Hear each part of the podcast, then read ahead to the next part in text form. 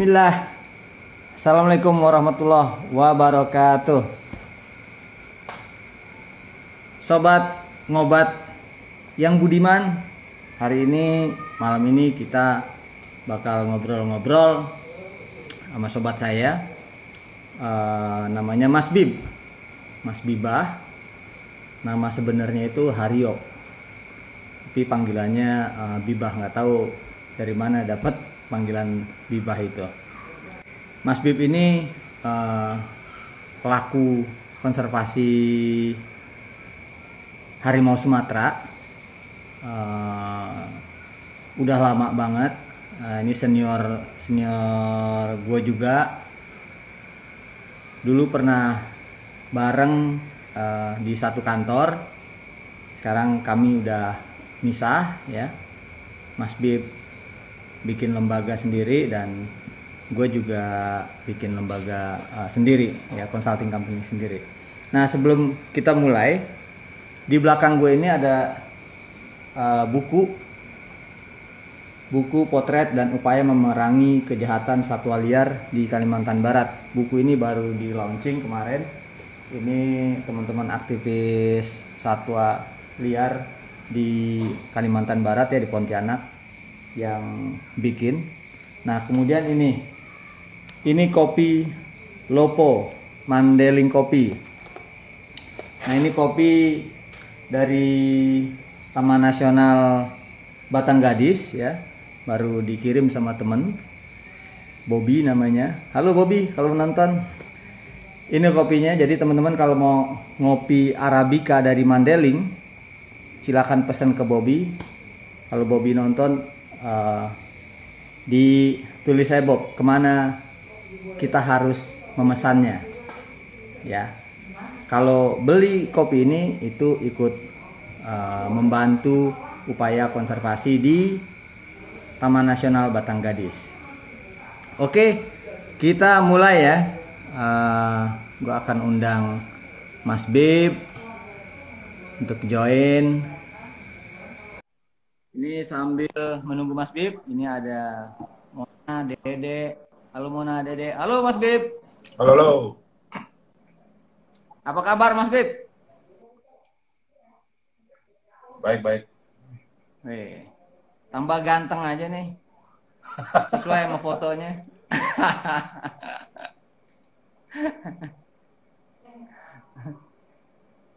Ini di mana Mas Bib? Di rumah. Jadi Mas Bib ini punya kantor. Nah kantornya itu disebutnya kandang. Gitu. Jadi kalau mau ke kantor dibilang mau mana mau ke kandang. Gitu bukan Mas Bib? Betul betul. Dulu itu dulu, sekarang bukan. oh gitu. Kita sapa-sapa dulu Mas Bib ya. Ini ada Dinda, ada Hendra. Hendra ini kemarin uh, ngobat perdana soal mantan orang hutan, uh, gue sih yang mantan dia mah masih. Ada Ahmad Sungkar, selamat malam, Mercusiana.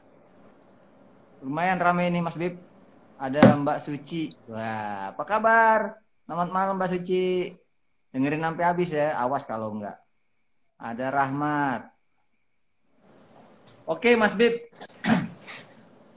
uh, kita mulai ya karena udah banyak nih pemirsanya udah pada datang-datang. Nah, teman-teman siapin kopinya karena kita akan ngobrol sampai sejam ke depan. Apalagi ini ngomongin yang serem nih, yang buas-buas. Ya. Ya, hari ini hari ozon sedunia. Nah, kita bahas uh, bahas harimau.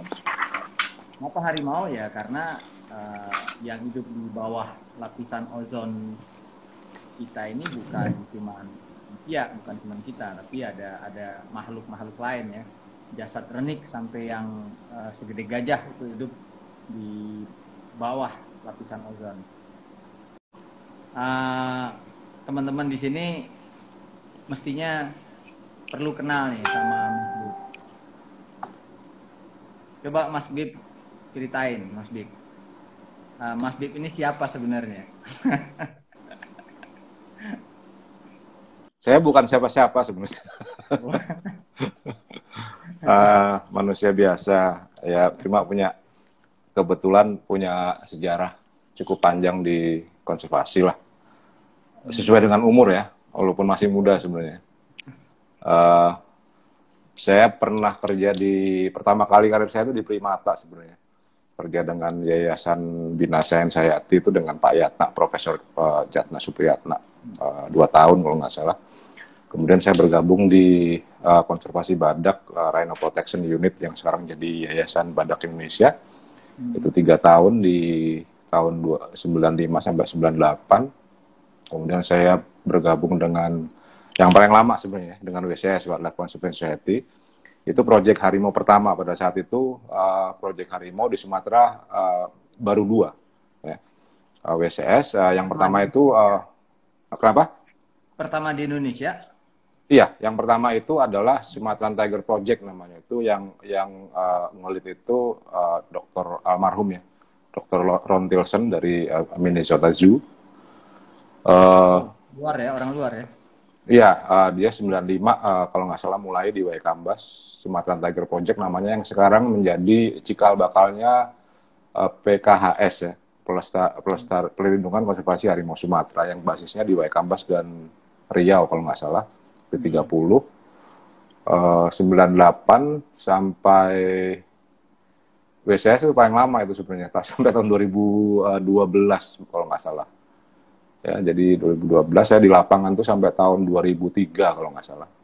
Dari 98 2003 98 2003 kemudian 2003 saya pindah ke Bogor itu di percaya jadi wakil direktur WCS kemudian saya kuliah 2 tahun di US sampai 2006 kemudian 2006 saya ber, sempat bergabung di CI sebenarnya. Uh, satu tujuh, tujuh bulan itu di proyek harimau di Batang Gadis. Uh, paper nah, satu-satunya internasional ya? Iya iya, satu-satunya itu uh, project yang si apa namanya? itu paper ilmiah saya pertama dari project itu sebenarnya di di Oryx ya tahun 2009 soal kalau nggak salah. Kalau soal harimau. Jadi project project uh, CI waktu itu saya tulis di Oryx. Kemudian 2007 saya gabung lagi dengan WCS sampai tahun 2012. 2012 saya hengkang ke US sebentar lah setahun 2013. Kemudian kembali saya uh, bergabung dengan Fauna Flora Internasional waktu itu sama dengan uh, Bang Iis ya. Eh, empat uh, tahun setengah empat tahun setengah udah bosan bergabung apa bekerja dengan orang asing gitu. Uh, setelah ilmunya diambil lah tentunya ya gitu ya. Jadi ilmunya, ilmunya diambil kemudian saya uh, apa bergabung. Kebetulan saya dapat postdoc ya apa uh, apa uh, postdoc uh, uh, apa dana postdoc dari Sadegusu Global sampai sekarang lima tahun saya dapat tahun tahun ketiga. Nah pada saat itu saya memberanikan diri untuk mendirikan uh, lembaga sendiri dengan teman-teman.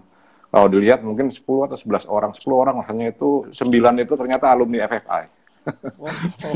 jadi, jadi sebagai tapi, tapi Ini tanpa ya? sadar gitu, tanpa sadar ada bang, ada ya ada bang ada bang Darmawan, ada uh, bang Anjar gitu ya banyak gitu. Ya. Hanya satu orang saja yang dari nggak jelas namanya Erwin. Kebetulan, tapi beliau itu sebenarnya nggak ada kayaknya di uh, sini. Nggak ada, nggak apa dia dia uh, apa saya saya boleh katakan ahli kucing apa uh, kecil lah di apa di Indonesia ya, uh, terutama untuk fishing cat. Nah, sampai sekarang, sampai sekarang saya masih di San Diego Zoo, kemudian saya uh, dengan Sinta sebagai ketua lah gitu ya. Nah, proyek kami uh, masih ada uh, mengenai harimau, tapi kami memilih uh, yang ini ya, yang di Remnant Forest. Kalau sebagian besar lembaga itu di lembah apa di kawasan-kawasan yang luas gitu ya. Uh, priority, Remnant Forest itu apa maksudnya, Mas Dik? Uh, petak apa hutan-hutan yang sudah terpetak-petak ya, ter ter terfragmentasi oh. di Sumatera Barat. Uh, jadi nempel dengan Taman Nasional peci, atau land, gitu. ya, landscape uh, uh, kerinci sebelat gitu ya. Uh, kenapa saya ambil yang itu? Pertama karena sudah ada ya, tidak ada tempat lowong lagi di Sumatera itu di tempat untuk harimau yang apa landscape harimau yang apa yang utama itu udah diisi semua sama inter, NGO internasional terutama. Oh. Jadi saya merasa apa uh, harus mengambil apa namanya uh, niche lain ya. Uh, saya ambil uh, uh, memberanikan diri untuk fokus di harimau-harimau yang living in, in apa namanya human dominated landscape lah di Sumatera Barat. Jadi harimau yang tinggal di atau terpaksa harus hidup di uh, landscape landscape atau bentang alam yang yang di apa di kuasa apa di didominasi oleh manusia di Sumatera Barat. Nah uh, sudah tiga tahun uh, proyeknya dan saya sebenarnya juga cukup uh, bangga lah karena kalau kita lihat uh, draft uh, strategi konservasi harimau Sumatera yang baru itu justru memang uh, memandatkan salah satunya untuk mulai kita melakukan kajian-kajian dan untuk dalam rangka memperkuat konservasi harimau Sumatera di kawasan-kawasan yang memang selama ini terabaikan termasuk dalamnya atau terutama itu di hutan-hutan yang memang uh, apa sudah terfragmentasi uh, apa namanya parah gitu ya. Nah, kira-kira itu terus kemudian uh, saya juga uh, sedang berusaha untuk meramaikan sebenarnya karena selama ini ada ayam aja konservasi macan tutul Jawa gitu ya. Oh. Nah, saya saya sudah menjadi pemerhati, pemerhati sebenarnya tahun 2014 kayak saya bergabung di forum ya forum uh, macan tutul Jawa uh, karena menurut saya sih adem-adem saja gitu. Jadi saya coba untuk meramaikan gitu ya supaya ada perhatian gitu ya karena uh, apa namanya terhadap macan tutul Jawa tersebut. Uh, karena kondisinya tidak jauh tidak lebih baik sama sekali uh, uh, daripada dibandingkan harimau Sumatera ya karena macan tutul Jawa itu uh, kita tahu sisa hutan di Jawa aja nggak lebih dari 10% yang masih layak ya untuk untuk satwa liar gitu. Jadi saya coba untuk memberanikan diri uh, apa namanya me, mencoba untuk meramaikan, menyuarakan lah dengan teman-teman yang lain tentunya. saya kira itu, Bang Is. Mantap. Keren banget Mas Bib. Dari 98 sampai sekarang. Itu ya maraton yang panjang banget ya, uh, Mas Bib di di dunia konservasi. Ya. Salut dan apresiasi banget buat dedikasi Mas Bib buat pelestarian uh, satwa di Indonesia nih. Nah, yang saya penasaran Mas Bib, apa yang bikin Mas Bib itu termotivasi untuk berkecimpung di dunia pelestarian satwa liar, khususnya harimau?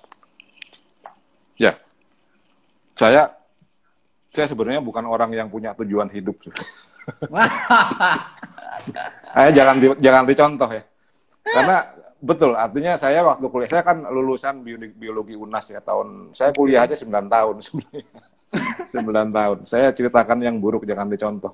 Ya alhamdulillah saya bisa jalan uh, 9 tahun. 11 tahun lah saya dari kuliah sampai terima ijazah itu di UNAS itu uh, IP aja 2,43 itu lulusnya. kemudian terus kemudian uh, saya tidak punya cita-cita waktu saya saya apa saya saya aku apa lulus itu kemudian saya menikah tidak punya pekerjaan kemudian ditawari oleh uh, tadi almarhum Ron Tilson untuk pegang uh, project di WK Mbak Sarimau gitu ya Sumatera Tiger Project Nah kebetulan waktu itu ditawarin juga oleh uh, sahabat juga itu Mang Eng ya, Habibudin R. Sajudin, sekarang masih di Badak, ahli Badak gitu. Untuk gabung di uh, Badak gitu kan. Ya karena saya nggak punya tujuan ya saya terima yang duluan gitu kan. Ya akhirnya, akhirnya saya tiga tahun itu terjeblos lah di Bengkulu sana itu ya. ya saya datang fresh graduate gitu ya. Uh, apa namanya tidak apa harapannya kan besar gitu ya. Artinya proyek besar ya UNDP waktu itu GF UNDP sama dengan harimau yang sekarang itu. Datang ke satu kawasan yang itu tiga, tiga jam setengah dari Bengkulu itu ke air hitam namanya sekarang masih ada. Ya saya terjeblos di situ tiga dua tahun kemudian saya dipindah. Jadi ceritanya begitu. Kemudian karena saya uh, sebenarnya kan tertariknya di sains gitu ya. Nah di Badak itu saya di waktu itu ada empat uh, pilar lah ya. Ada ada apa namanya uh, apa namanya uh, wildlife monitoring, badak monitoring badaknya, kemudian ada part manajemen dan lain-lain gitu ya. Saya kebagian itu. Nah ternyata karena badak itu waktu itu begitu apa nama kuat tekanan ya dari perburuan kemudian uh, apa namanya uh, illegal logging dan sebagainya. Jadinya sisi sainsnya tuh nggak jalan waktu itu di badak itu. Jadi saya nggak betah kan begitu saya tiga tahun di kontrak saya selesai, saya langsung memutuskan untuk pindah. Dan dilalah kebetulan uh, satu tahun terakhir itu di 98, 97, 98 saya di appoint untuk jadi koordinator uh, apa uh, apa patroli badak ya. Jadi saya saya dulu sempat juga jadi tentara gitu ya, tentara bayar, tentara swasta itu. Kalau di Facebook saya lihat ada saya ada pegang senjata dengan pasukan itu ya. Ya ada pengalaman juga lah untuk apa uh, nguber-nguber orang di hutan itu saya ada pengalaman tiga tahun gitu. Nah, sama saya saya saya saya uh, uh, di appoint untuk satu tahun terakhir di 1998 di di apa di Bukit Barisan Selatan Nah, saya keluar kebetulan di situ WCS baru masuk kan gitu ya, mencari uh, manajer uh, untuk proyek uh, harimau pertamanya ya. Saya terima aja karena nggak punya, saya nggak punya itu tadi ya, nggak punya tujuan hidup gitu. ya saya saya terima saja gitu ya sampai sekarang lah kejeblos di situ gitu ya. Uh, ya alhamdulillah bisa bisa menikmati kemudian ya apa kalau dulu saya di saudara-saudara tuh ngapain ambil biologi nggak ada masa depannya ya uh, ya saya sekarang punya masa masa depan lah paling nggak bisa sekolah S2, bisa sekolah S3 dan itu semuanya juga secara ber, berapa secara kebetulan sebenarnya sekolah-sekolah itu. Saya juga nggak ngerti kenapa bisa sekolah gitu ya. Bisa sekolah tinggi. Kebetulan semua, kebetulan itu ya. Saya kira itu uh, kenapa kejeblosnya itu ya, kejeblos bukan bukan tujuan itu sebenarnya. Saya kira itu pengalaman saya kenapa saya ambil harimau kejeblos, gitu ya. Kejeblos yang enak nggak menurut menurut Mas Bib nih? Ya sekarang enak lah, saya punya rumah sendiri, punya mobil, punya kulkas di rumah, ada AC semua ruangan gitu ya. Ya alhamdulillah, alhamdulillah gitu ya. Makanya saya sebenarnya orang yang ingin berterima kasih gitu ya dengan dengan yeah. apa uh, uh, satwa-satwa yang selama ini ya alhamdulillah bisa memberikan nafkah lah buat saya ya, to be honest gitu ya. uh, uh, apa namanya ya uh, lima tahun terakhir saya saya dedikasikan hmm. untuk uh, apa lebih perhatikan ke uh, adik-adik yang masih masih muda-muda gitu ya di Sintas juga semuanya. Saya mungkin paling tua dan memang paling tua gitu di, di Sintas itu. Yang lainnya muda-muda semua. senior, senior. gitu di lapangan itu di Padang itu juga di Sumatera Barat semuanya uh, apa adik-adik yang yang muda-muda lah gitu ya. Hanya hanya memberikan karena saya punya pengalaman tidak tidak punya tujuan saya mencoba untuk memberikan tujuan lah ke teman adik-adik itu gitu jangan kayak saya gitu Oke, nah uh, dulu waktu konservasi mulai mulai terjun, mulai berkecimpung di dunia konservasi uh, satwa liar ini, khususnya harimau. Nah, yang jadi inspirasi Mas Bib itu siapa tuh sehingga bisa bertahan terus? Gak ada, saya nggak punya tujuan, jadi nggak ada. Tapi ada beberapa orang loh kalau saya saya boleh sebut ya yang memberikan inspirasi okay. itu pertama Profesor uh, Yatna Supriyatna. Ya. Oh. Hanya ada satu kalimat yang yang saya pegang sampai sekarang kalau kamu gini, saya waktu itu pamit karena beliau beliau waktu itu punya lembaga namanya Yayasan Bina Sains Sayati.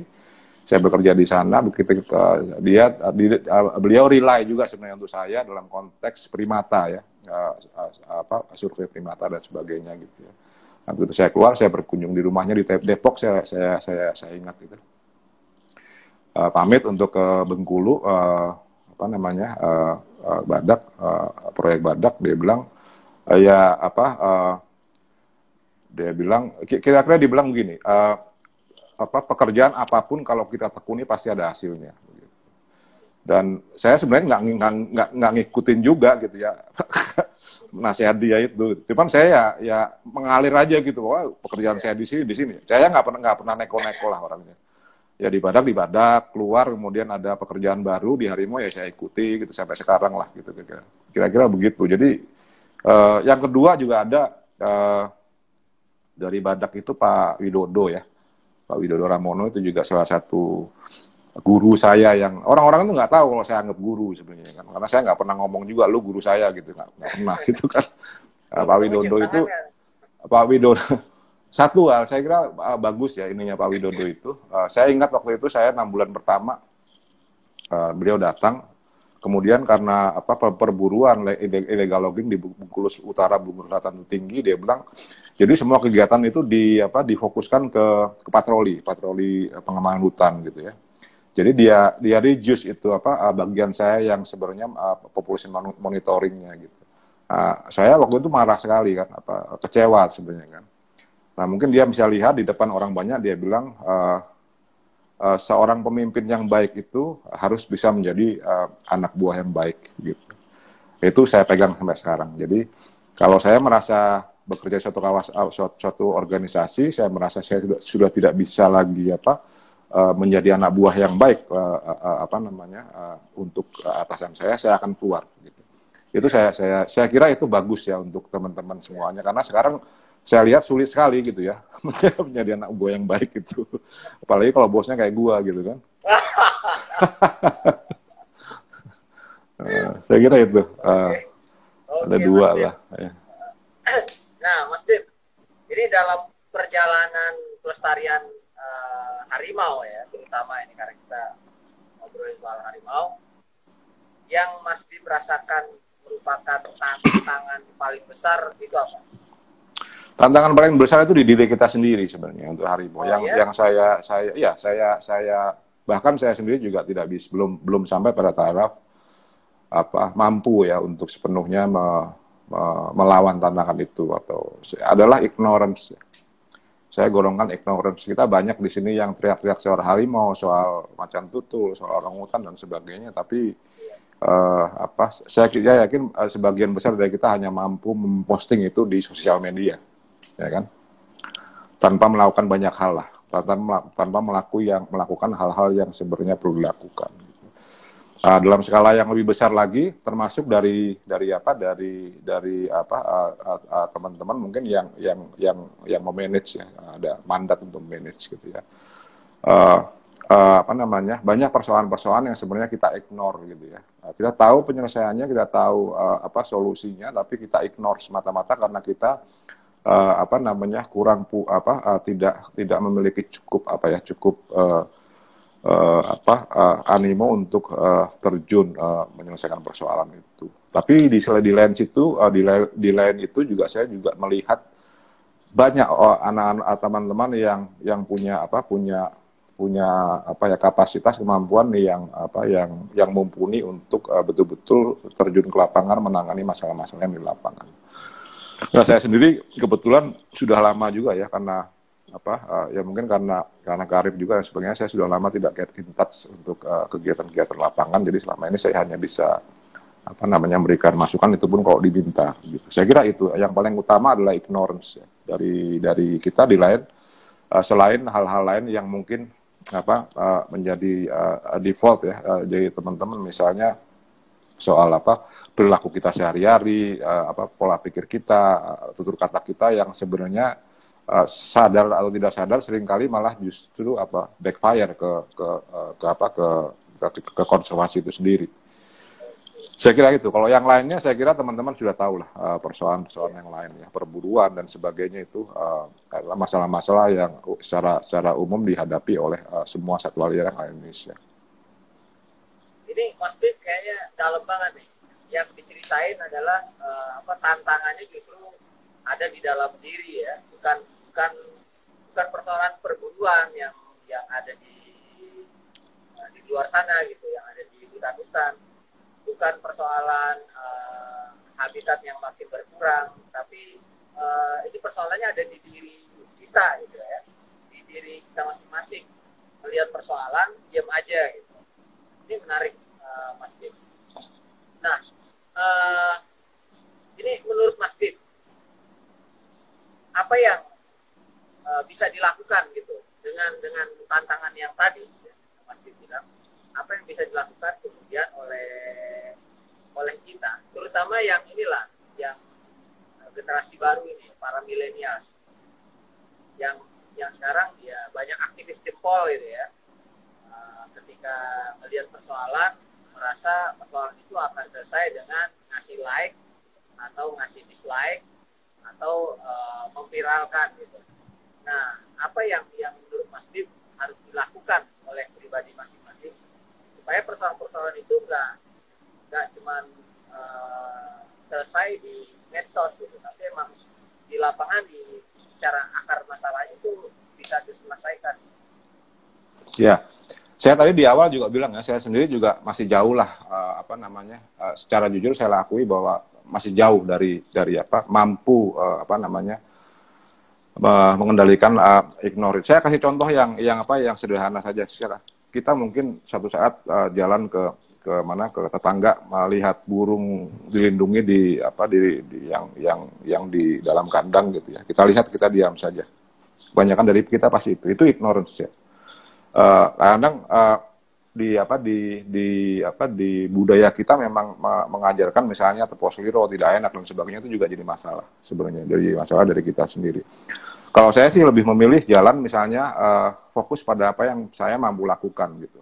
Kalau saya mampu lakukan harus saya lakukan gitu ya. Eh, dan tentunya banyak hal banyak sekali hal yang yang apa yang yang yang tidak bisa kita lakukan karena banyak banyak apa banyak persoalan tadi.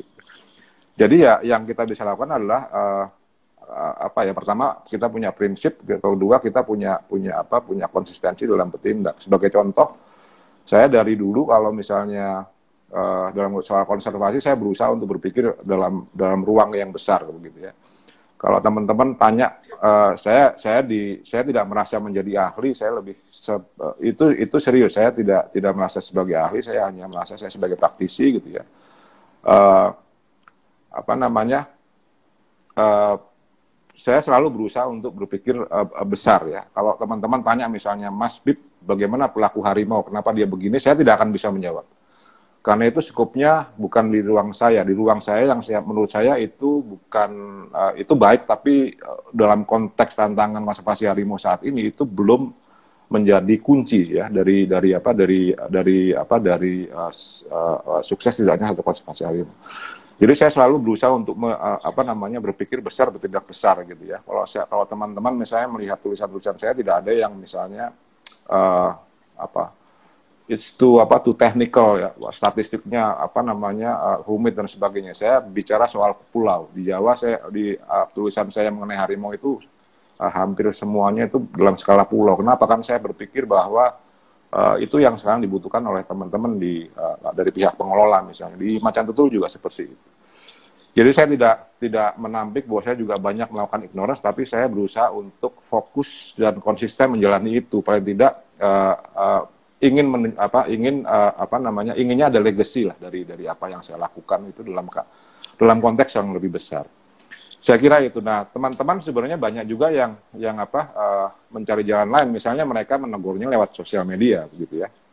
Itu juga bukan hal yang salah, gitu ya. Eh, apa namanya eh, mengkritiknya lewat sosial media itu juga bukan hal yang salah, gitu.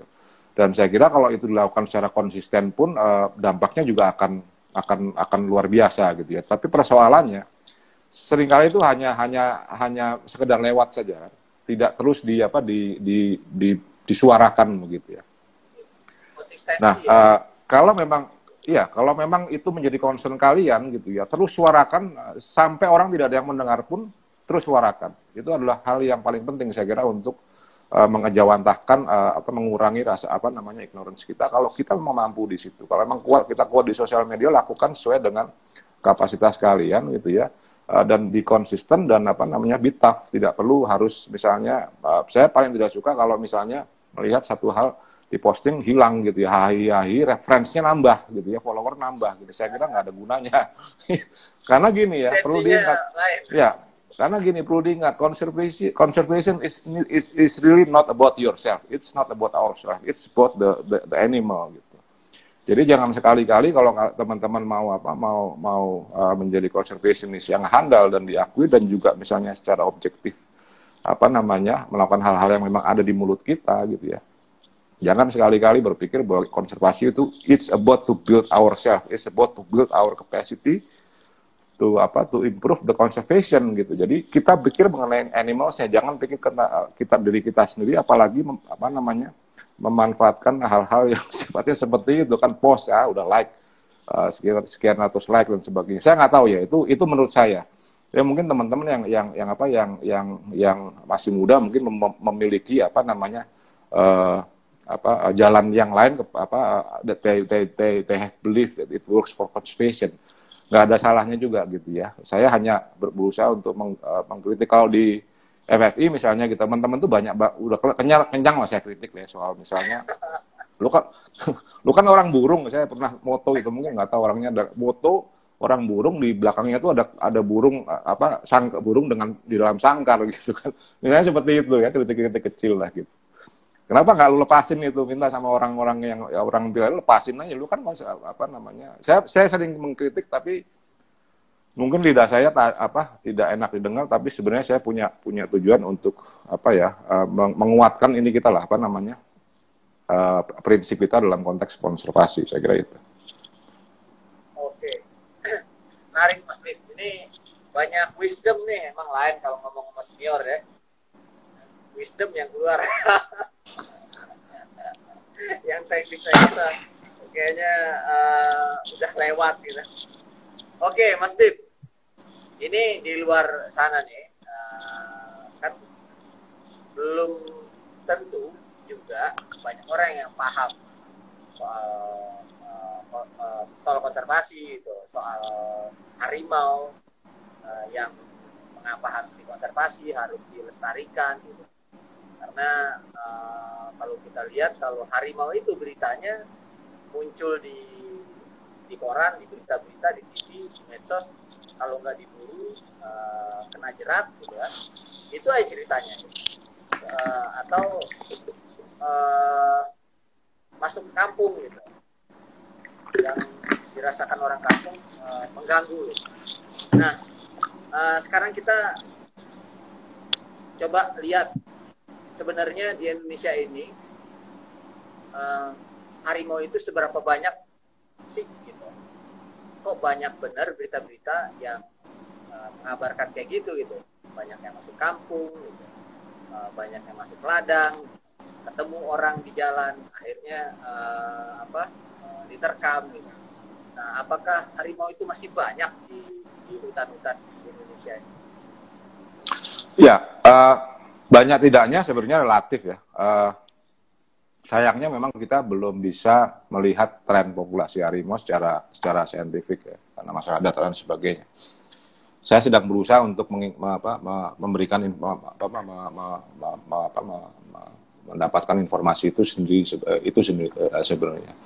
Uh, sebagai contoh sekarang uh, estimasinya mungkin sekitar 580 kalau nggak salah itu ya Alan White. 580. Uh, uh, dan itu uh, kalau kita lihat di ICN uh, berbeda dan sebagainya gitu ya. Tapi kalau lihat density sih sebenarnya oh, average ya di, di Sumatera itu say one one individuals ya adult adult tiger per 100 km square itu menurut saya tidak tidak tidak tinggi kalau kita lihat kita bandingkan di tempat lain gitu ya. Walaupun memang di tropical land forest seperti kita memang uh, uh, densitas harimau itu uh, saya bicara kita bicara densitas bukan bukan uh, bukan kelimpahan ya. Itu memang eh, menurut saya sih tidak belum belum sampai pada taraf yang yang apa uh, tinggi sekali gitu ya. Karena kalau kita lihat di tumbling misalnya itu kalau nggak salah dua ke atas lah. Kayak kabas itu dulu ya di uh, eh, BBS Bukit Barisan Selatan di Semen uh, di Semenanjung itu ada ada apa namanya TWNC namanya uh, uh, itu uh, memang uh, sejauh saya lama di Bukit Barisan Selatan survei kamera trap itu empat tahun itu memang di Semenanjung itu optimum sekali, pre-nya banyak sekali. Dua, sekitar dua, dua koma, saya, saya lupa ya, 2,4, 2,6 itu tinggi ya, termasuk paling tinggi di Sumatera. Nah, artinya kalau kita lihat ada ada potensi uh, apa namanya uh, kawasan kita tuh mendukung that many uh, tigers gitu ya. Uh, uh, apa di uh, di di seluruh kawasan ini, Ruser, Kelinci dan sebagainya gitu. Walaupun uh, apa di ketinggian apa lokasi yang lebih tinggi pasti akan lebih rendah gitu. Tapi uh, apa namanya overall saya kira belum ya kalau dia bilang harimaunya terlalu banyak. Bahkan dari assessment yang pernah uh, kita lakukan ada papernya juga itu uh, jumlah populasi harimau paling tidak di lima kawas lima atau enam kawasan saya lupa itu ya termasuk Kelinci Sebelat, Lauser, Bukit Barisan Selatan, Berbak Sembilan, kemudian Bukit 30, Kampar Kerumutan. Itu masih mampu untuk didabling untuk digandakan gitu. Uh, uh, nah pertanyaannya kenapa kenapa kalau misalnya masih di bawah daya dukung gitu itu uh, uh, banyak konflik konflik banyak sebab gitu ya. Uh, apa namanya uh, dan itu sangat-sangat uh, set set spesifik gitu. Misalnya rum apa namanya kawasan yang dibuka uh, pengalaman CBBS kemudian di loser juga gitu ya. Dibuka kemudian ditumbuh tumbuh apa tumbuh-tumbuhan baru kemudian ada pada pre yang keluar harimau kan sangat tergantung pre dia bisa main keluar kemudian uh, apa namanya bertemu dengan masyarakat uh, kemudian terjadi konflik gitu ya itu satu dan dan apa uh, hal lain yang mungkin karena memang kegiatan-kegiatan uh, lain yang masuk ke hutan gitu ya uh, yang kemudian mendorong uh, apa si harimaunya kemudian keluar uh, dan konflik itu sendiri juga uh, apa uh, gradiensnya kan panjang ya. Ada yang memang di dalam hutan, ada yang juga jauh dari luar hutan. Saya pernah mencatat itu kejadian konflik harimau itu uh, sampai sejauh 5 km lebih dari batas hutan, gitu ya. Karena memang dia dia sangat tergantung bukan bukan solely terhadap tegakan hutan, tapi terhadap prey-nya sendiri. Jadi kegiatan apa pun yang mengundang prey itu keluar itu akan akan uh, berpotensi untuk menimbulkan konflik. Dan uh, Sorry. Saya boleh Maksudnya katakan kalau uh, prey-nya keluar, harimau jadi ikut keluar begitu. Iya dia bisa bisa bisa keluar dalam konteks dia memper kalau jadi gini uh, konflik itu akan terus terjadi ya uh, akan tidak akan pernah hilang gitu karena kalau hutan kosong gitu ya misalnya prey-nya prey-nya askars jarang gitu ya si harimau tentu akan mencari kan mencari uh, prey uh, apa namanya sehingga jelajahnya akan lebih luas dan dalam konteks seperti itu dia juga akan keluar berpotensi bersinggungan dengan masyarakat. Prenya tinggi pun gitu ya karena di over populated prenya prenya akan keluar juga. Harimau juga tentunya akan akan akan uh, berpotensi berkonflik dengan masyarakat karena uh, faktor prey tadi. Nah, uh, ada hal-hal lain yang yang juga berpengaruh misalnya pembukaan akses-akses jalan gitu ya yang kemudian uh, apa me, me, me, memicu misalnya kegiatan-kegiatan ekstraktif lainnya gitu ya yang uh, pada akhirnya me mengurangi kualitas daripada uh, hutan itu sendiri, misalnya uh, kualitas airnya, kualitas apa namanya uh, selain vegetasi udara dan sebagainya. Nah, uh, hal lain gitu ya, kenapa kenapa apa sekarang tinggi? Saya saya juga sangat sangat apa namanya concern juga karena mungkin lima tahun terakhir itu banyak sekali informasi mengenai konflik gitu ya. Nah, saya juga melihat bahwa banyak sekali lokasi-lokasi yang remnan yang kecil gitu ya. Yang dulu dulu dulu tidak tidak kita tidak tahu ada harimau di situ. Tiba-tiba karena tekanan manusia dia keluar dari habitat yang kecil-kecil itu kemudian uh, terjadi konflik. Uh, konteks itu bukan berarti apa namanya uh, konflik itu apa namanya uh, baru terjadi tapi karena semata karena kita tidak tahu bahwa situ ada harimau sehingga kita tiba-tiba ada informasi karena sekarang kan apa informasi lebih lebih apa ya lebih mudah gitu ya ada banyak uh, petak-petak hutan atau uh, sisa-sisa apa uh, kawasan yang kemudian uh, uh, apa berkolaborasi dengan manusia. Kita baru tahu bahwa di situ ada harimau. Makanya saya di Sumatera Utara yang paling sering kemudian di Riau sekarang banyak sekali terjadi gitu ya. Tidak luput luput dari dari dari dari pengamatan makanya waktu kami sama-sama menyusun uh, dokumen strategi konservasi harimau saya sangat merekomendasikan untuk kita melakukan survei di semua semua apa semua uh, potensi habitat uh, tidak hanya kegiatan hutan ya uh, uh, later on kita kan tahu banyak juga uh, ternyata konsesi-konsesi yang dihuni harimau gitu. Nah, sekarang banyak sekali private sector yang sudah mulai peduli mereka survei kita tahu di, uh, kemudian kita tahu di situ hari ada harimau sebelumnya kita nggak tahu gitu kan. Ini konsesi Jadi, apa uh, terutama? Uh, ada apa namanya ada pulp and, tap, pulp and paper ada sawit dan sebagainya apa apa, apa login juga ada. Misalnya di Senepis Bulu Hara itu juga ada harimaunya gitu kan. Di bagian uh, di Riau Kampar Kerumutan kemudian ada apa beberapa apa kawasan-kawasan kawasan lainnya ke, eh, kebetulan sekarang kita sedang melakukan island wide survey ya survei seluruh seluruh pulau Sumatera. Dan hasilnya memang sangat apa, mencengangkan menggembirakan dan mencengangkan sebenarnya. Karena itu tantangan juga. Karena ternyata memang harimau banyak sekali di luar apa, yang di luar luar kawasan yang kita nggak sebelumnya nggak tahu gitu kawasan maksudnya kawasan hutan dan kawasan protected area seperti kawasan konservasi. Nah, itu butuh apa ya? Butuh kerjasama lah dengan pihak-pihak uh, uh, apa yang dipihak untuk mengelola kawasan-kawasan tersebut. Kawasan-kawasan yang yang peruntukannya uh, non hutan ya, bukan untuk iya. Iya. bukan untuk hutan tapi untuk untuk industri-industri lain, untuk penggunaan-penggunaan lain ya selain hutan. Itu banyak di situ ternyata ya. Ya, kalau okay. kalau kalau kalau soal berapa individunya kita belum tahu ya, tapi paling tidak yeah. kita sudah tahu bahwa banyak sekali kawasan-kawasan yang dulu tidak kita tidak aware, sekarang terbukti proven itu ada harimau di sana, ya.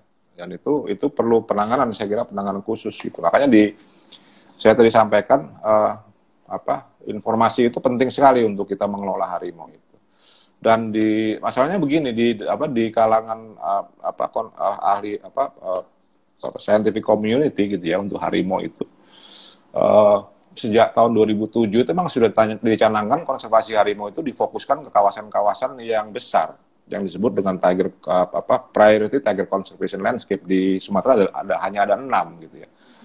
Jadi dana itu nggak ke sana, nggak dana itu semua semuanya ke sana. Uh, sebagian besar ke sana gitu. Terserap ke sana. Sedangkan ada banyak sekali kawasan-kawasan yang di luar uh, priority uh, priority tiger landscape itu yang yang ada harimau-nya dan sekarang banyak banyak masalah, banyak banyak timbul uh, interaksi dengan manusia gitu ya. Uh, saya kira itu. Jadi uh, kerjasama berbagai, berbagai pihak, terutama yang dalam negeri itu, uh, apa? Saya kira uh, dukungan dana dari dalam negeri itu sangat diperlukan karena harimau-harimau yang yang ada di kawasan itu banyak apa, apa, apa banyak potensi konflik ini ya, political konflik, kemudian sosial konflik, kemudian karena itu kawasan-kawasan yang diekstraksi ya. Jadi jadi banyak potensi untuk dimanfaatkan untuk di apa di uh, untuk eh katakanlah menyerang menyerang kita lah menyerang pemerintah menyerang uh, apa namanya uh, apa namanya kita gitu ya di kawasan makanya uh, pendanaan pendanaan dari dalam itu perlu saya kira untuk untuk mendukung supaya kita tidak di drift juga di apa di draft juga kan dengan dengan donor-donor yang yang yang besar besar itu ini menarik Mas Bin uh, harimau ini kan tinggal di Sumatera ya sehingga upaya-upaya yang yang seperti ini yang terabaikan itu eh, habitat-habitat yang terabaikan ini jadi jadi penting juga untuk uh, perhatian. Nah uh, kita lihat sejarah nih Mas Dip. Yang yang saya tahu dan mungkin banyak juga yang tahu di sini. Uh, beberapa mungkin yang awam juga apa malah malah nggak tahu gitu. Nah uh, ada ada ada tiga pulau yang ada harimaunya. Sumatera yang masih ada sampai sekarang Jawa dan uh, juga Bali itu nah uh, kalau ngetrace ke belakang kepunahan di dua pulau ini itu apa persoalan yang paling mendasar itu yang menyebabkan punah? Uh, untuk harimau Jawa itu saya lupa ya akhir awal tahun 19 1900-an atau akhir 18-an itu kan memang ada perburuan besar-besaran ya. Hmm. oleh oleh saya lupa ya Inggris atau Belanda waktu itu. Karena uh, apa namanya masalah ancaman kemudian. Waktu itu kan sedang di apa di di dibuka ya gak, uh, Pulau Jawa itu. Itu saya kira poin-poin pertama di mana harimau kemudian banyak sekali di di harvest dibunuh dan sebagainya bahkan dibuat tropi ya. Waktu itu kemudian dilanjutkan eh, dengan akselerasi pembukaan hutan di Jawa. Uh, karena harimau itu kan perlu apa? Perlu ruang ya perlu ruang yang besar untuk dia apa namanya uh, perlu core area untuk dia aman apa breeding kemudian raise cup uh, membesarkan anak, anak dan sebagainya. Walaupun dia uh, apa namanya uh, bisa di mana saja sebenarnya selama aman gitu ya. Tapi dia tetap perlu kawasan yang apa uh, istilahnya core area daerah inti di mana dia perlu perlu uh, apa perlu untuk uh, melahirkan anak kemudian apa uh, membesarkan anak uh, berkembang gitu kan. Nah, di Jawa itu mungkin tahun-tahun 60-an atau 70-an itu kan besar sekali ya Pak, luas sekali pembukaan besar-besaran gitu ya. Nah, itu juga kemudian kan uh, apa namanya uh, impactnya kan juga Sumatera dan tahun 70-an ada transmigrasi dan sebagainya. Sejauh Bali saya saya saya, saya terus terang kurang mengikuti ya. Tapi more or less uh, apa namanya uh, uh, penyebabnya sama gitu ya. Jadi uh, ada perburuan gitu ya, semua ada apa pembukaan uh, hutan gitu ya. Uh, yang kemudian uh, menyebabkan uh, eh, macam ecologically uh, apa namanya hutan di Jawa memang sudah tidak tidak bisa mendukung lagi gitu ya. Nah, sekarang kita ada ada yang tersisa uh, hari apa namanya macan tutul ja, macan tutul Jawa gitu ya. Hmm. Nah, pertanyaan kenapa bisa dia dia masih hidup sedangkan harimau tidak ya karena memang macan tutul itu membutuhkan ruang yang lebih sempit dalam soal apa konteks uh, jelajahnya kemudian dia lebih lebih resilient gitu lebih range daripada apa uh, foodnya itu uh, prey-nya itu lebih luas ketimbang harimau gitu ya. Itu hal, -hal itu yang mungkin saya kira uh, uh, apa apa me, me, me, membuat harimau kemudian punah dari Jawa dan Bali, terutama berburuan. Nah, jadi ada multiple apa uh, threats yang terjadi ya pada pada awal 19 1900-an sampai sampai dengan tahun 70-an. Perburuan, pembukaan lahan dan sebagainya. Nah, kalau di Sumatera sendiri uh, yang paling mengancam kepunahan harimau itu apa Mas Fit? pembukaan jalan Pembukaan jalan. saya kira sih karena pembukaan jalan, jalan, kan itu cuma butuh ini aja Mas Dik. Cuma berapa meter gitu kan. Emang memanjang gitu. iya pembukaan jalan itu adalah sumber dari segala masalah di konservasi karena akses itu pasti diikuti dengan aktivitas-aktivitas lain ya kan pasti itu begitu jalan di- dibuka gitu ya pasti ada orang kemudian kalau di taman nasional misalnya gitu ya ada jalan dibuka itu sepi kemudian nggak lama muncul orang jual durian di sampingnya kan gitu ya. Lama-lama bikin toko gitu kan. Lontong belum masuk ke hutan uh, buru rusa dan sebagainya gitu kan. Terus lama-lama kalau dibiarkan merambah gitu kan. Hmm. itu jalan semuanya dari jalan. Akses itu yang paling paling apa paling saya kira uh, awal dari semuanya. Makanya uh, misalnya ya saya pernah ditanya membangun apa uh, apa tenaga listrik apa hidropower atau apa gitu ya. itu das meter nggak mungkin kalau misalnya dia tidak that kind of things tidak membuka terlalu banyak nggak apa-apa gitu ya. Uh, di, di tepi kawasan karena memang itu untuk masyarakat misalnya. Yang persoalan kan akses yang kemudian terbuka ke kawasan-kawasan sekitarnya gitu.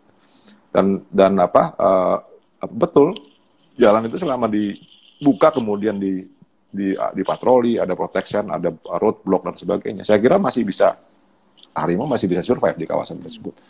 Tapi persoalan kita kan selalu itu kan ada aturan tapi nggak nggak konsisten me- apa, me- me- menja- me- melaksanakannya gitu. Begitu dibuka gitu ya ada aturan begini begitu tanda tangan kemudian agree dibuka gitu ya. Sudah itu sudah gitu ya. Kalau kita lihat di Taman Nasional semuanya itu uh, di apa di pintu dua sisi pasti ada ada pos kan pos jaga gitu ya. Tapi coba catat uh, ada orangnya apa enggak gitu kan. Kira-kira kan kayak begitu gitu. Iya kan? Ah gitu ya. Uh, saya kira itu. Tapi sekarang saya kira jauh lebih baik lah. Uh, saya saya mengamati 23 tahun itu bukan tidak ada perubahan. Banyak sekali perubahan. Dan saya apresiasi gitu ya uh, teman-teman di apa di di apa uh, apa UPT gitu ya. Sekarang jauh lebih baik lah. Uh, UPT Apa, ini penget- apa Mas? Ya ada Taman Nasional, ada PKSD Oh. dan sebagainya. Saya kira sekarang jauh lebih baik ketimbang 20 tahun lalu saya saya mulai kerja di Harimau gitu. ya. Jauh-jauh lebih baik. Dan saya kira itu perlu diapresiasi juga gitu. Karena kalau orang orang kerja baik apa eh, sedikit apa kerja baik sedikit apalagi pan- banyak dihargai mereka jadi jadi apa kita kan juga gitu ya. Wah, gue udah kerja baik nih, oh nggak ada yang ngargain gitu kan, akhirnya gue jadi apa namanya lagi kan gitu. Saya kira kita perlu perlu juga saya kira itu juga itu juga bagian dari ignorance Iya, gitu ya. kalau ada kalau ada apa prestasi tidak kita hargai tapi kalau tidak ada kalau ada salah sedikit aja itu bisa menjadi besar kan. Itu kan ignorance juga gitu. Kita tidak kita ignore terhadap terhadap apa terhadap terhadap achievement dari dari orang yang yang yang susah payah di apa di di, di tingkat tapak uh, mencoba untuk melindungi harimau gajah dan sebagainya gitu ya. Ya nggak akan ada kemajuan kalau begitu. Dan itu terus terus, saya saya dulu ya mungkin sekarang sekarang nggak nggak sudah jarang gitu ya. Dulu uh, saya sering sekali uh, keliling Asia untuk uh, apa uh, jadi apa dengan uh, menjadi apa bagian dari dele- delegasi pemerintah untuk global target Initi- initiative ya. Itu selalu saya, saya, saya upayakan gitu. Karena selalu kalau kita datang itu pasti pasti yang di- terdengar di apa di kita itu pemerintah itu jelek. Kan lama-lama kan pengeng juga gitu kan. Oh, pemerintah gua gitu. Hati-hati juga itu saya sampaikan gitu kan. Betul itu selalu saya sampaikan itu. Saya bilang lu tahu nggak? Ja- kecil aja. Waktu itu um, mulai kan teman-teman UPT beli kamera trap. Lu tahu nggak? Kalian mereka sekarang sudah punya kamera trap sendiri. Oh iya iya nggak tahu itu. Itu kemajuan lu harus harus harus hargai dong gitu ya. Susah payah kita misalnya mem- mem- menyadarkan bahwa pen- penting misalnya apa apa apa namanya uh, monitoring satwa liar untuk uh, sebagai apa sebagai sebagai alat evaluasi kinerja gitu ya. Begitu apa sudah sudah mulai ada. Ya kita belum tahu kameranya mau dia mau diapain apakah pasang di sekitar pos atau apa. Tapi paling tidak sudah ada kan? Sudah ada niatan gitu. Niat itu sendiri harus dihargai gitu. Ya kalau niat itu dihargai pasti mereka akan lebih lebih lebih lebih apa lebih lebih keen lagi untuk untuk melangkah ke depan. Ini kan enggak gitu ya. Iya dulu udah beli kamera untuk apa? Untuk monitoring gitu ya. Dulu nggak punya kamera dicerca. Ya kan? Dicerca kan? Lu harus monitoring lu nggak harus segala macam. Begitu beli kamera gitu dicerca juga bukan pasangnya nggak bener gitu kan ya akhirnya orang pada malas kan gitu kan betul nggak ya kan itu, itu itu yang saya kira kita perlu perlu belajar gitu menghargai orang lain gitu ya Iya, Kalau memang sudah ada sudah ada apa sudah ada kemajuan walaupun sedikit salah ya nanti dulu lah biar aja salah dulu gitu kan. ya kita nggak ada kamera dimarahin, ada kamera dimarahin juga gitu apa di di dicerca juga itu betul loh ya. Saya nggak main-main itu soal itu. Jangan cengar-cengir. Itu betul lah itu. Eh, begitu kan. Sekarang hampir semuanya punya kamera coba. Kenapa? Karena awalnya apa? Karena mereka cuma punya 10 kamera di Taman Nasional. Di, di, di, di setiap Taman Nasional. Cuma 10 kamera. Waktu itu orang kalau saya bicara sama orang-orang yang ahli ngitung itu, Kenapa apa itu 10 kamera itu? Nggak bisa buat apa-apa itu kan. Kamera trap itu kan perlu misalnya 50 station bagi uh, kali dua 100 kamera. Kalau lu nunggu dia dia beli 100 kamera, nggak akan kebeli-beli. Beli dulu 10 gitu, pasang ada gambar harimau jual. Ya kan? Maksudnya dipublikasi kan. Akhirnya mereka punya pride kan gitu ya. Jadi gradually mereka akan lebih apa meningkat gitu. Ini kan enggak gitu kan. Nggak punya kamera dicerca gitu kan. Punya kamera dicerca juga gitu. Apa yang beli 10 gitu kan? Ya betul itu. itu itu terjadi gitu. Saya kira muncul di satwa lain juga saya kira perlu perlu perlu apa? Kita perlu pandai lah. Kita harus pandai menghargai orang. Saya kira itu. Oke.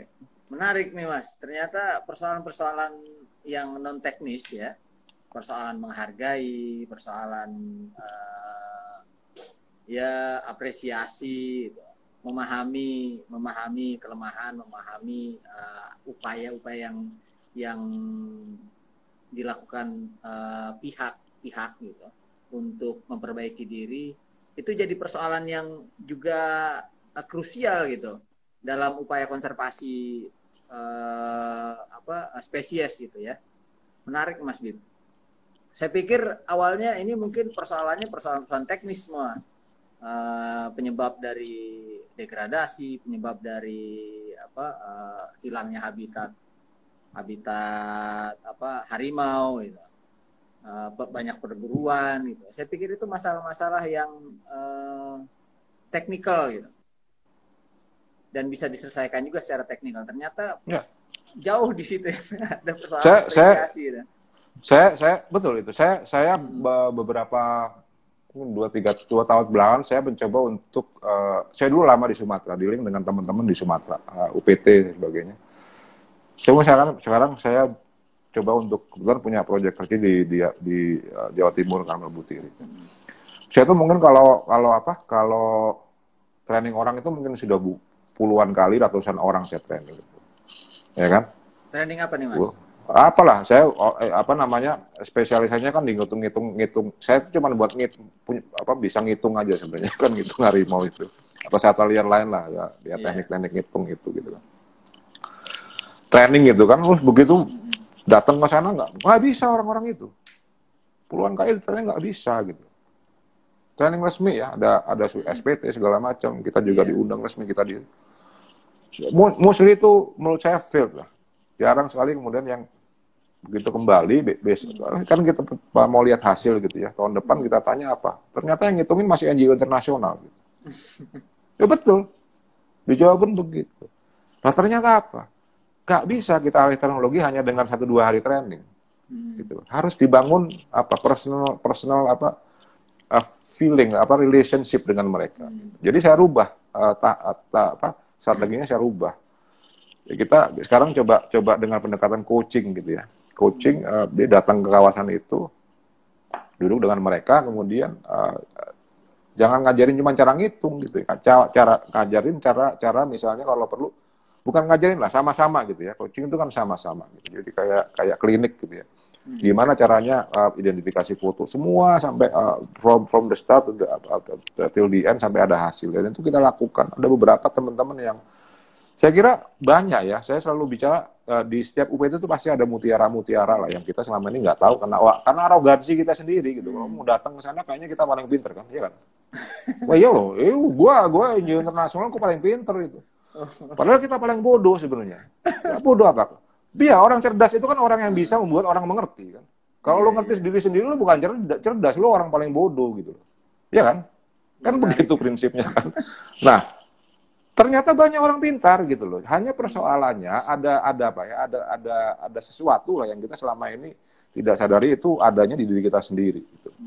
Ada ada di diri kita sendiri. Kita alih teknologi, alih pengetahuan, tapi cara kita seperti apa? Command and order kan kalau apa nama old fashion apa leadership kan begitu kan. Lu harus begini ngitungnya begini begini pakai ini ini, ini gitu. Sudah selesai gitu kan dapat sertifikat udah hai hai gitu ya pangkatnya naik gitu. kan. pangkatnya naik kamunya nggak naik gitu kan. Ya betul kan? Tapi kalau kita coba untuk lebih dekat gitu ya uh, biar egaliter lah gitu ya. Saya kira dan sangat efektif loh. Saya saya sangat senang gitu melihat beberapa teman-teman di apa di UPT di Jawa yang betul-betul mereka pintar-pintar dan mereka pintar-pintar. Saya pernah bilang gitu ya uh, saya mendampingi teman-teman misalnya di uh, Taman Nasional Gendung Halimun Salak terus kemudian Tiri kemudian ya. Voluntary saya saya ini kan.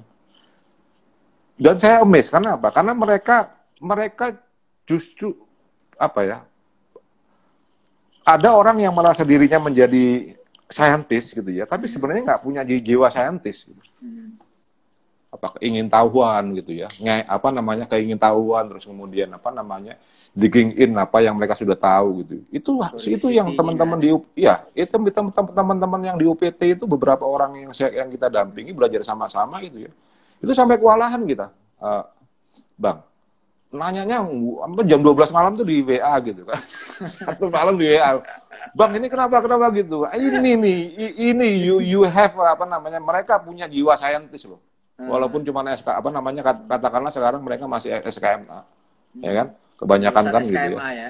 Iya, mereka punya punya mereka mereka punya punya apa? Punya punya jiwa jiwa jiwa jiwa ilmuwan.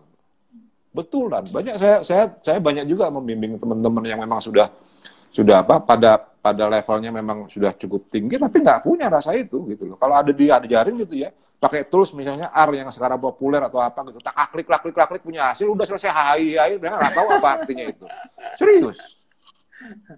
Iya terus training orang kan terus training orang gitu. Yang di training nggak ngerti kalau yang ya kalau yang di training gua gua, gua bisa gua bisa apa tanya macam-macam gelapan gelagapan juga kan gitu. Iya kan dan itu terjadi gitu loh. Saya bukan ini ya.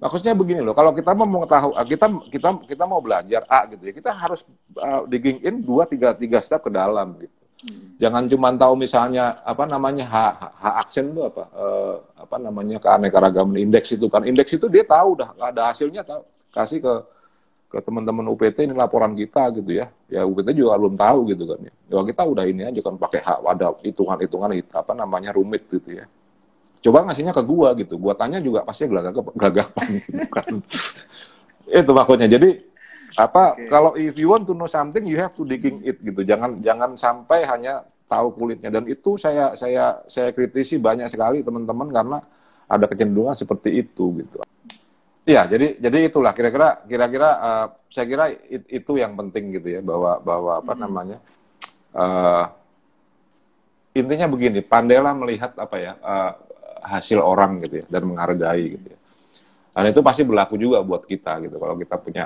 apa hal-hal yang tidak dihargai juga kita pasti nggak suka, suka juga gitu. Dari dari dari kita dari kita sendiri juga uh, apa uh, kalau kita mau belajar sesuatu ya ya tekuni betul gitu. Tidak semua tapi ada beberapa yang saya lihat uh, sebenarnya tidak salah juga. Karena itu gini apa kadang-kadang uh, kalau misalnya kalau saya saya ngelatih ngelatih orang itu saya hanya satu aja intinya membuat mereka tertarik dulu kan ya. Nggak perlu terlalu apa complicated. Kadang kalau orang yang suka matematik mungkin statik segala macam mereka suka. Tapi kalau misalnya umumnya kita nggak nggak suka ya. Kalau begitu begitu kita training kita kita apa kita jebloskan ke rumus dan sebagainya. Walaupun juga sebenarnya gue nggak ngerti juga gitu. Sebenarnya alasan sebenarnya gue nggak ngerti juga gitu ya kan? seneng gitu kan visualisasi segala macam gitu. Ya kalau orang bodoh kan begini kan kuliah aja lama gitu kan. Kuliah lama gitu. Di wawancara aja umur 54 ini baru wawancara kan kalau enggak nggak wawancara. Butuh waktu 20 berapa tahun gitu kan. Gitu jadi jadi belajar kalau mau bela kalau mau jadi apa jadi uh, apa uh, profesional ya harus begitu gitu kan. Jangan jangan okay. hanya karena apa karena apa karena kadang-kadang gini ya gue saya sendiri juga sering sering apa sering lupa gitu ya bahwa apa popularitas segala macam itu hmm. menjadi membuat kita menjadi apa ya yang kita kerja akhirnya ya ya, ya popularitas hmm. bukan bukan kualitas kan gitu ya iya iya iya kan? dan dan ya, orang ya, tidak ya, tidak iya dengan dengan dengan era sosial media seperti ini ya itu sangat hmm. itu mudah sekali dimanipulasi gitu hmm. ya kan uh, dengan post ini post itu gitu ya uh, hmm. apa ya karena mereka kan sosial media tidak berbicara, dia hanya menulis kan, Hmm. Eh, apa namanya, tidak tidak, gue bisa jadi populer sekali, tapi belum tentu lu tahu bahwa gue sebenarnya nggak tahu gitu kan. Bahan kan banyak dirangkum bisa gitu kan. Jadi itu saya kira itu itu satu satu hal yang perlu kita apa kita kita cermati juga terutama untuk diri kita sendiri. Kalau if you want to be someone ya you have to be someone gitu. Jangan jangan someone else, jangan jangan apa hal lain yang lu jual untuk menjadi apa uh, cover up your face or your or your, your skill gitu kan. Uh, dan itu tanggung jawab tanggung jawab kita Hmm. untuk untuk apa untuk menjadi orang yang memang orang lain percaya kita adalah itu gitu kan. Mm-mm. Ya kan kalau lu jadi Menarik. lu jadi lu lu lu, lu dikenal sebagai orang yang apa jago apa satu metode ya lu harus lu harus lu harus tahu gitu kan. Jangan cuma karena apa karena sosial media segala macam eh taunya dia hebat ternyata sebenarnya kalau ini enggak. Dan itu itu mudah sekali dimanipulasi. Saya kira itu itu itu penting gitu ya. Untuk menyadarnya menyadarkan kita eh, agar tidak terjerumus menjadi apa uh, making up things for our popul apa namanya uh, popularity lah gitu ya. Itu penting Uh, dan dan un- apa uh, sayangnya kita dulu gua terutama itu kan tumbuhnya kan dari dari apa dari dari e- e- era mesin ketik klak kotak-kotak gitu kan jadi kita hebat karena Mas. kita punya Gue enggak ada. Jadi ada ada ada masa panjang yang yang yang membuat kita juga sebenarnya eh, apa ya ada ada masa kritikal yang gua gua pikir perlu juga jadi jadi apa jadi masukan lah untuk teman-teman adik-adik yang sekarang gitu ya Eh, eh, untuk menjadi seseorang yang memang memang memang apa, memang seperti yang dia inginkan kadang-kadang kan kita inginkan eh, era sekarang bisa kita kita dapat dari dengan cara apa pun gitu. saya kira itu sih pesannya gitu Oke, Mas Bib. gue pikir itu udah sangat eh, ujung ya, artinya Mas Bib udah me- mengemas eh, ujung-ujung dari dari sesi kita dengan baik nih, Eh, menyampaikan pesan buat buat eh, teman-teman yang nanti akan nerusin perjuangan konservasi ya, ya karena Mas Bib sekarang udah merasa senior dan pengen juga ada bibit-bibit baru yang yang nerusin gitu. Nah, pesan-pesan itu mudah-mudahan didengar sama teman-teman kita semua yang junior-junior. Nah, semoga uh, upaya-upaya pelestarian, upaya-upaya konservasi satwa liar, khususnya juga harimau bisa terus apa uh, maju, terus berkembang uh, menarik perhatian banyak orang, nggak cuma segelintir. Apalagi sekarang udah ada apa era sosmed ya, semua bisa jadi aktivis gitu dengan perannya masing-masing. Cuma itu tadi pesan Ma- Mas Bib uh, konsistensi itu jadi penting. Kalau misalnya uh, memang uh, bidang sosmed itu jadi ranah perjuangannya, nah apa pun bisa diperjuangkan jadi ya dalam hal ini isu konservasi misalnya itu bisa diperjuangkan juga melalui ranah-ranah sosial media itu Mas Bib ya ya Oke Mas Bib. Eh, saya pikir tadi udah udah closing remarks ya. Walaupun belum diminta tapi Mas Bib udah sampai Clo- closingnya closingnya dip- diputus dulu ya? Nggak enak gitu. Iya. Instagram Oke, yang oke. putus bukan gua. Eh, siap siap siap. Iya, tapi eh, ini menarik ya. Eh, barangkali kita perlu ada satu sesi lagi nih, karena selain tadi Mas Bib bilang itu di di Sumatera harimau Sumatera itu jadi jadi ikon lah ya untuk diperhatikan ya. Nah di Jawa yang harimau Sumateranya udah nggak ada, macan tutul nih yang menarik gitu. Beberapa eh, saya udah lihat tuh beberapa berita udah ada yang memunculkan eh, soal konflik juga gitu antara antara masyarakat dengan macan tutul gitu. Nah eh, di next session mungkin kita bisa bahas ini ya Mas Bib ya. boleh boleh Oke. Oke lah kalau gitu Mas Bib, terima kasih banyak eh, kesempatannya, waktunya untuk ngobrol-ngobrol di ngobat, ngobrol sama sobat. gitu. Sama-sama. saya saya mohon maaf juga kalau terlalu tadi sebenarnya terlalu bersemangat sebenarnya. Gitu ya. Iya. saya cuma ma- pengen apa ya? eh, apa eh, ya paling nggak itu opini saya dan eh, kalau Iya, iya, misalnya iya. ada yang tidak berkenan ya dibuang saja gitu. Iya, iya, iya. Tapi uh, overall saya berharap sih memang apa uh, kita kita intinya kita mesti jujur sih sama diri kita sama sama sama apa lingkungan kita sama pekerjaan kita uh, dalam rangka apa namanya ya, melakukan konservasi itu ya. Dan uh, pesan saya ulang juga bahwa konservasi is not about ourselves it's about the, the animal the, the forest dan sebagainya. Itu aja sih. Oke, makasih banyak Mas Bib. Sukses buat Sintasnya. Sama-sama. Semoga Sintas maju dan membesar uh, sama-sama sama-sama Uh, ditunggu Oke. SSI macan tutulnya ya Siap, siap. Ya, Oke. ya. Makasih banyak Mas Bib. Assalamualaikum Assalamualaikum warahmatullahi wabarakatuh. Waalaikumsalam. Salam.